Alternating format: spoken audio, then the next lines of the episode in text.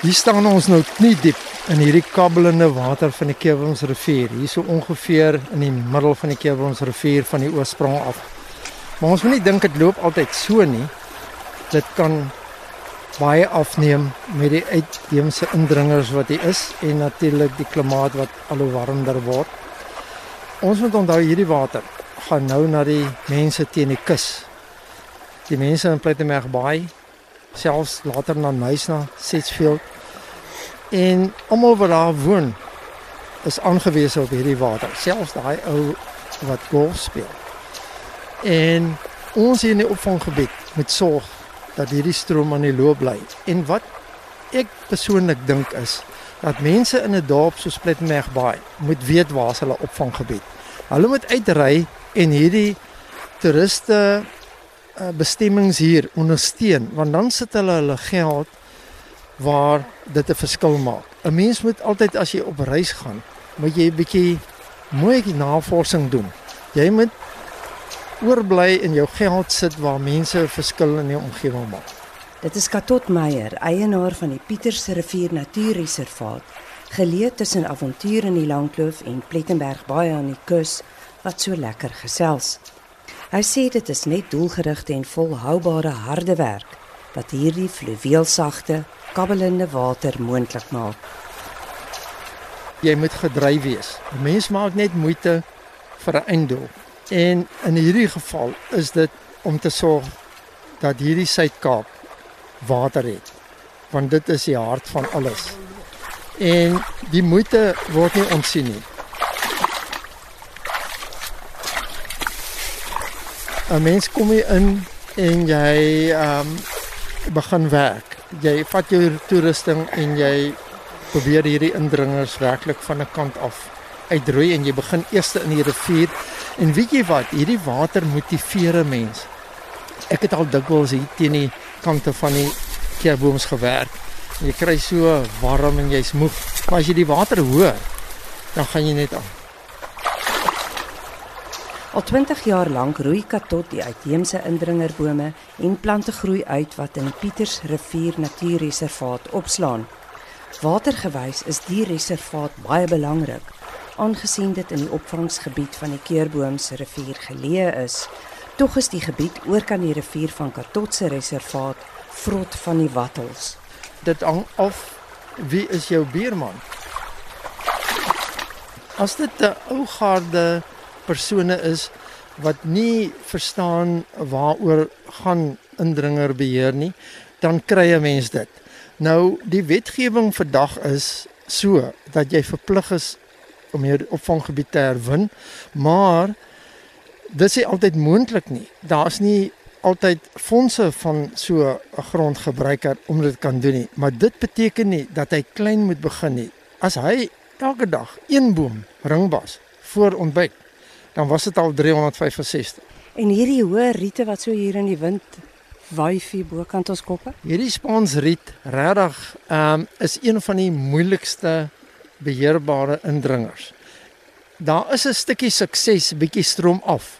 Maar wat 'n mens nie besef nie is dat jy kap hom en as hy uitloop moet jy hom op 'n sekere tyd spuit met 'n sekere gifstof in 'n sekere maand of 2 van die jaar. En dit maak dit 'n vensterperiode. En as jy nie daar uitkom nie, dan moet jy weer voorbegin. Hoe dit hier beland. Dit het maar met jare ingekom van van die buitewêreld. Dit word wel gebruik, maar onthou net vir enige gebruik van 'n uitheemse plant, sê maar soos die Spaansriet wat eintlik mooi plafonne maak. Moet 'n mens altyd jou oog so daarop hê. As jy dit gaan kap, moet jy nie net die dik riete uitkap nie. Jy begin by 'n kant en die riete wat jy kan gebruik wat seker 80% is, sit jy een kant en die res kap jy ook en dan spuit jy sommer. So waar jy gewerk het, het jy klaar gemaak. Maar die meeste houtkappers en rietkappers Hulle vaar net in en kyk wat hulle kan kry en dan ry hulle weer om dit te verkoop. So daai hele benadering moet verander. Goed, en nou gaan ons 'n bietjie hier verder in die rivier opgaan. Ek sien jy daai wattelboompie daar gesien. 'n Belangrike ding as jy die jong wattelbome behandel.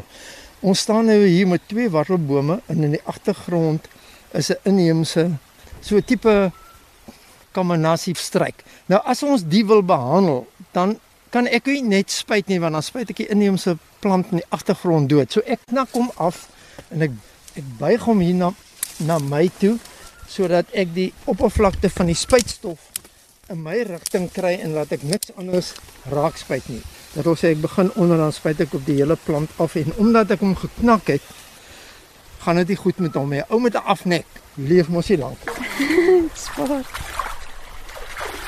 Vragtig hier in die keerboom staan 'n denneboom. Nou moet jy weet hoe die dennebome ingekom van die nuis na kant met saad wat waai en dit is ons grootste probleem. Die wattle sal ons nog kan beheer, maar die dennebome groei tot op die pieke van ons berge en om daar in te kom en daar's net een manier om dit te doen is saag hom af, volg hom op of hulle nou met 'n helikopter afgelaai word want dit is wat hulle gedoen het in die verlede en dan uh, is dit al maniere om ons berge te herwin. Katot is 'n afgetrede waterlandbou-ingenieur. Sy liefde vir die natuur en sy volgehoue toewyding tot die bewaring daarvan kom al van kleins af en is versterk deur die voorbeeld van sy pa en sy oom. Katot vertel.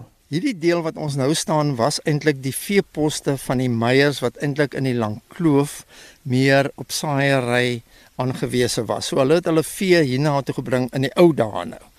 In die ou dae was daar ehm um, natuurlik hoofsaaklik veeboerdery.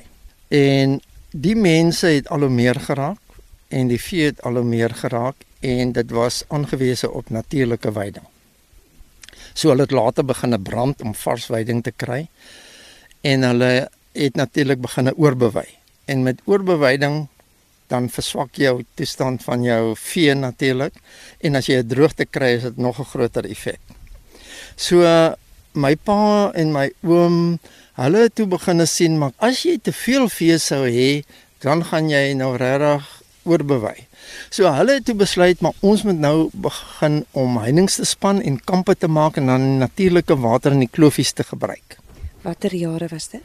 Dit moet nou ongeveer in die 30's wees, 30's, 40's, 50's. En almal was in die kontry was ongelukkig. Want jy weet, vee het eintlik op enige iemand se grond geloop as dit hier 'n bietjie meer gereën het en so aan. Maar hulle het vasgebyt en daai proses wat hulle vir daai dae uit sê nou maar die ou daar was 'n boek van landbou wat al van die 30s eh, afkom boerdery in Suid-Afrika, so 'n dik Bybel. Nou vir daai tyd het hulle eh, die beste gedoen vir die omstandighede. En toe ons nou in die jare kom ons sê met die draai van die eeu 2000 saam met Kaapse Natuurbewaring. Ek onthou nog Annelise Vlok was agterop die voertuig en ons ry hier en sê sê man, ons kan maar stop. Hierdie biodiversiteit is goed genoeg vir 'n reservaat. Vanaf die plaas Pietersrivier se status na die van natuurreservaat verander het, sal jy wilde bok pleks van bees en plate suurvy pleks van gesaaides op die grond aantref. Maar op 'n manier boer hy tog, sê Katot want hy roei deurlopend die dorstige indringers uit. Ja, ek boer met water. Ek ek het nou al uh, gevra eintlik hoe lyk dit dan nou kan die munisipaliteit van Plettenberg Bay dalkie 'n uh, 'n klein bedrag gee per kubieke meter terwyl mense dit nou meet. Want dis nou rou water.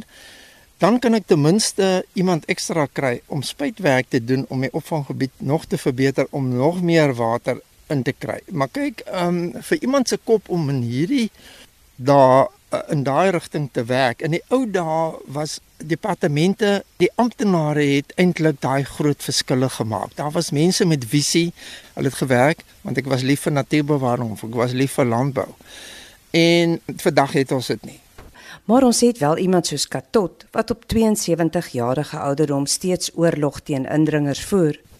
Nog 'n rede hoekom hy so passievol is oor sy werk, hou verband met William John Burchell, 'n wêreldberoemde botanis van Brittanje wat Suider-Afrika in die vroeë 1800s besoek het.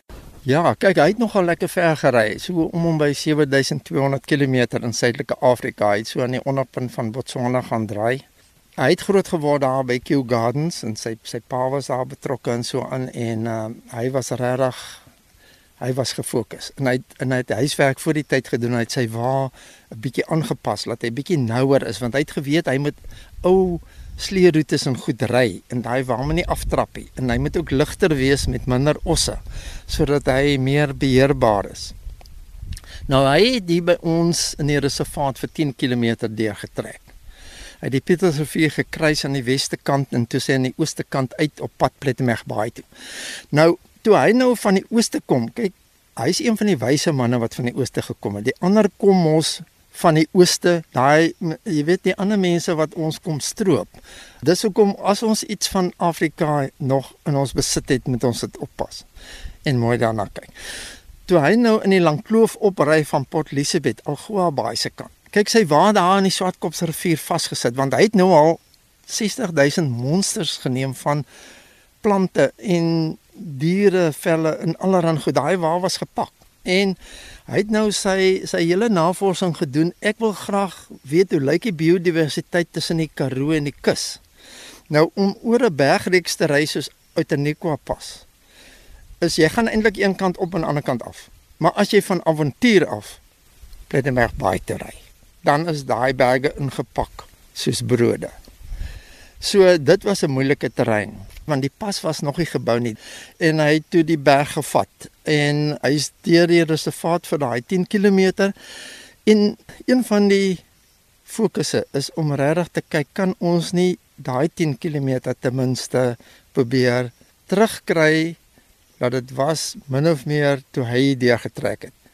Katot het selfs ook gesorg dat die Pieters Rivier Natuurreservaat met 'n Birchall 4x4 roete kan spog. En die idee agter dit is kom ry waar Birchall en die manne met die slees gery het 250 jaar terug. En as jou voertuig aangepas is en jou gevoel is reg, jou houding, jy moet 'n lae image en 'n hoë chassis moet jy hê. Anders gaan jy dit nie hier maak nie. Dan moet jy maar in die kamp bly want jy gaan in daai 4x4 stoot as dit nodig is want ek het nie die roete verander nie hy is nog soos Birchelom gery. Ja ons het gepraat van sleeroetes dis daai eerste ouens wat so inkom te perd en dan vestig hy homself en dan later moet hy 'n paar goed rondry en dan maak hy 'n slee. Hy mos nou hout, hy kap die goed hier in die bos en hy slaan hulle vas met hout spinne.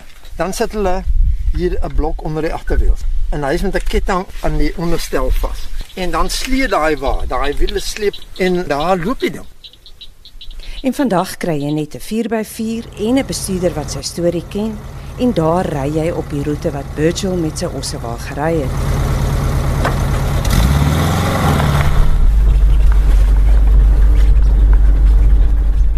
Teen een berg is daar selfs nog van die ou osse wa slee merke te sien. En sou jy besluit om ook op Pietersrivier te kamp, kan jy Katot se interessante stortkonkoksie beleef. Ons gaan nou 'n bietjie na die stort stap. Hy werk uh, met oudtydse brandstof soos in parafin.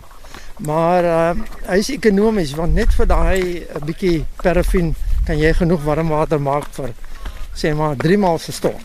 Ek praat nou nie van iemand wat nou vir 'n uur daar staan nie. Maar hoor hier, dis nogal 'n stap hier na toe teen die tyd wat jy terugkom by jou plek moet jy weer stort. Goeie genigtig. Wat staan hierin? Gooi brander vol tot net die ore van die seekoei uitsteek. Die uitsteek. Ons gaan nou 'n bietjie parafin kry. En dan gooi ons hom. Sodat so 'n bietjie van die brandblokkies uitsteek. Sodat ons die ding kan in die brand steek. Nou vat jy 'n stokkie. Steek hom aan die parafin. En dan maak jy hom brand. En dan stoot jy die koppie met parafin stoot jy op die brander. Dit jy hoor. Dit is 'n rocket shell. En dan wag jy presies 47 sekondes. En dan is die water redelik lekker warm. As jy blond is, gaan jy of verbrand of jy gaan frostbite kry. So jy stel hierdie kraan totdat die water net lekker is. Hoe meer water deurgaan, hoe kouer, hoe minder water deurgaan, hoe warmer. So in hierdie buis Hy is besig om nou warm te word. Hier's nie water in die buis nie. Jy moet ja, nou eers die kraan oopdraai. Tussen daai tussen die binneste en die buitenste buis, hulle is 65 mm en 75 mm. So daar's 10 mm, eintlik 5 mm aan 'n kant is daar 'n so 'n spasie waarin die warm water nou beweeg. En as jy hom nou begin nou oopdraai en bote al uh bote al 'n bietjie warmer te raak. Uh, voel maar hierso. Moet net nie laat jy brand nie. Oh, dis vuurwarm. Ja. Maar waar is die koue kraan? Die koue kraan is daai een. Jy moet hom net groter oopdraai en raak hy kouer. So as hy gekonsentreerd nou so is dan gaan hy dan gaan hy begin 'n kouer raak. Jy moet nou net so 'n bietjie, daar is hy nou reg. Dan maak jy hom weer so 'n bietjie toe. Hy is 'n Land Rover. Jy moet hom ken. Jy hom nou voel. Jy hom nou voel as hy reg. Ek dink jou blokkies hou so lank want almal is te bang om jou rocket shower te gebruik. Ja, wie jy die parafin hou hier vir 7 jaar. Nee, ek spot maar sommer 'n bietjie. Ja, is genoeg sulke klein kannetjies en jy kan 3 of 4 maal stort met een een koppie vol. Hier is nou 'n lekker kampeerplek en swemplek en uitspanplek hierso, maar is hier luiperds en ander katte? Kyk in die ou dae met julle nou onthou, toe Jan van Riebeeck aangekom het, was daar natuurlik die Kaapse leeu wat hier rondgeloop het en die hyenas. Alles was hier en dan ook die groot diere, die eland veral want dit sien jy nog op die rotstekeninge en die bergsebra en so aan. En uh soos dit nou maar gaan, uh, is die diere is uitgeroei met tyd. So die kleiner katsoorte en die kleiner boksoorte het oorgebly. Nou die drie katte wat hier oorgebly het wat nou bo aan die voedselketting is, is die luiperd, die rooi kat en die valboskat. Ons dink regtig die teerboskat het ook hier voorgekom want hy kom voor tot min of meer by Tsitsikamma van die ooste kant af. Maar hulle drie is nog hier. Hulle is regtig gelukkig hier want volgens die fotos wat ehm uh, die kameras neem het hulle genoeg kos. Ons het monitorkameras opgestel wat ek vir Cape Nature bietjie monitor en ek, ek gaan kyk maar kort kort het die bobbejane nou nie weer die batterye uitgehaal want hulle is doenig hierso. Neem hulle hulle self nie ook af nie. Ons het hier 'n foto van waar hulle groot moles maak. As jy nou kyk na hierdie twee, jy weet kyk, jy weet hierdie een naaste aan ons is die onopgeleide tandarts skrik pasiënte af. Maar die luiperdfoto wat ons vandag hier het, is net hier aan die oorkant waar ons nou staan, ja. aan die oorkant van die dam het hy so 10:00 die oggend verbygestap. Ons was so gelukkig dat ons 3 foto's gekry het soos hy aankom en toe besluit hy om om te draai en hy stap weer verby vir 3 foto's. So ons het nou weerskante die afdruk, die kolle is mos nou basies sy vingerafdruk. Nou weet ons presies dis hy as ons hom weer optel. Maar jy hoor in die nag as hy sy gebied afbaken het, hy mos 'n spesiale so saag geluid, so growwe geluid. En dit is baie kenmerkend. Nou ek wat nou met die indringers te doen het, ek het eendag 'n boom gesaag aan end van die ou plaaswerf af. En ek sit die saag neer om nou gif aan te sit en ek hoor maar hier end van my af is iemand besig om 'n Chinese saag te start. Ek sê vir myself, maar is dit nou 'n rondloper bobbejaan mannetjie want hulle het ook so 'n tipe growwe geluid en my tomaties en goed lê daar in die oop stoor, ek beter 'n draai loop. Maar toe ek so eentjie geloop het, toe hoor ek weer daai saag geluid en toe besef ek nee, wat dis maar die luiperd wat verbygaan en net sê kyk ek is besig om net te kyk uh, uh, jy weet my gebied af te baken. En dan natuurlik krapmerke sien ons dikwels aan die stamme. Maar in al die jare, jy weet oor 50 jaar het ek nog net eenmal 'n luiperd gesien. En my waarde te sê ek het met die ou Land Rover gery in die pad met 'n klompie kinders op en die een sê: "Oom, wat se kat sit daar op die damwal?" Ek sê: "Wag, ons net kyk. Dis 'n jong wyfie wat kom water drink het en sy's nou net op die damwal besig om agteraf te gaan." Naas die klank van suiwer kabbelende water in die Keurboomsrivier is die sig van 'n luiperd op sy grond virka tot bevestiging dat sy jarelange oorlog teen indringerbome en plante goeie vrugte afwerp. Sy grootste wens is dat alle grondgebruikers nie net die byl teen indringers sal opneem nie, maar ook goeie rentmeesters van hul grond sal wees. Kyk om grond en die omgewing te verwaarloos is 'n baie groot kriminele oortreding. As jy 'n paar sjokolade uit die winkel uitvat, dan vang hulle jou. Maar hier vang hulle jou mos nie, want dit is 'n stadige proses. En niemand kan dit dadelik sien nie. En by die tyd wanneer jy dit kan sien, is dit te laat. As 'n mens die grond oorbenut, of dit nou veld is en of dit grond is wat bewerk word, en jy sou dit wanbestuur, dan is jy eintlik besig om dit van iemand anders aan af te vat want niemand na jou of jou kinders kan dit gebruik nie want dit is reeds te ver vernietig. So nou vat jy die kortpad en jy verkoop dit en jy gaan weer aan en jy vernietig dalk op 'n ander plek weer die grond. Of jy gebruik die fondse om iets onbenulligs te koop. Maar die aarde wat jy agtergelaat het is nie meer bruikbaar. Dit aan die woorde van Katot Meyer, afgetrede waterlandbouingenieur en eienaar van die Pietersrivier Natuurreservaat in die Suid-Kaap.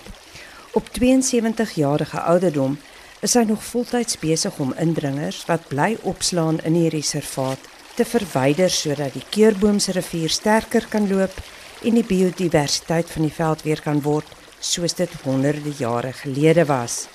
Mariska Spoormaker, te vlug.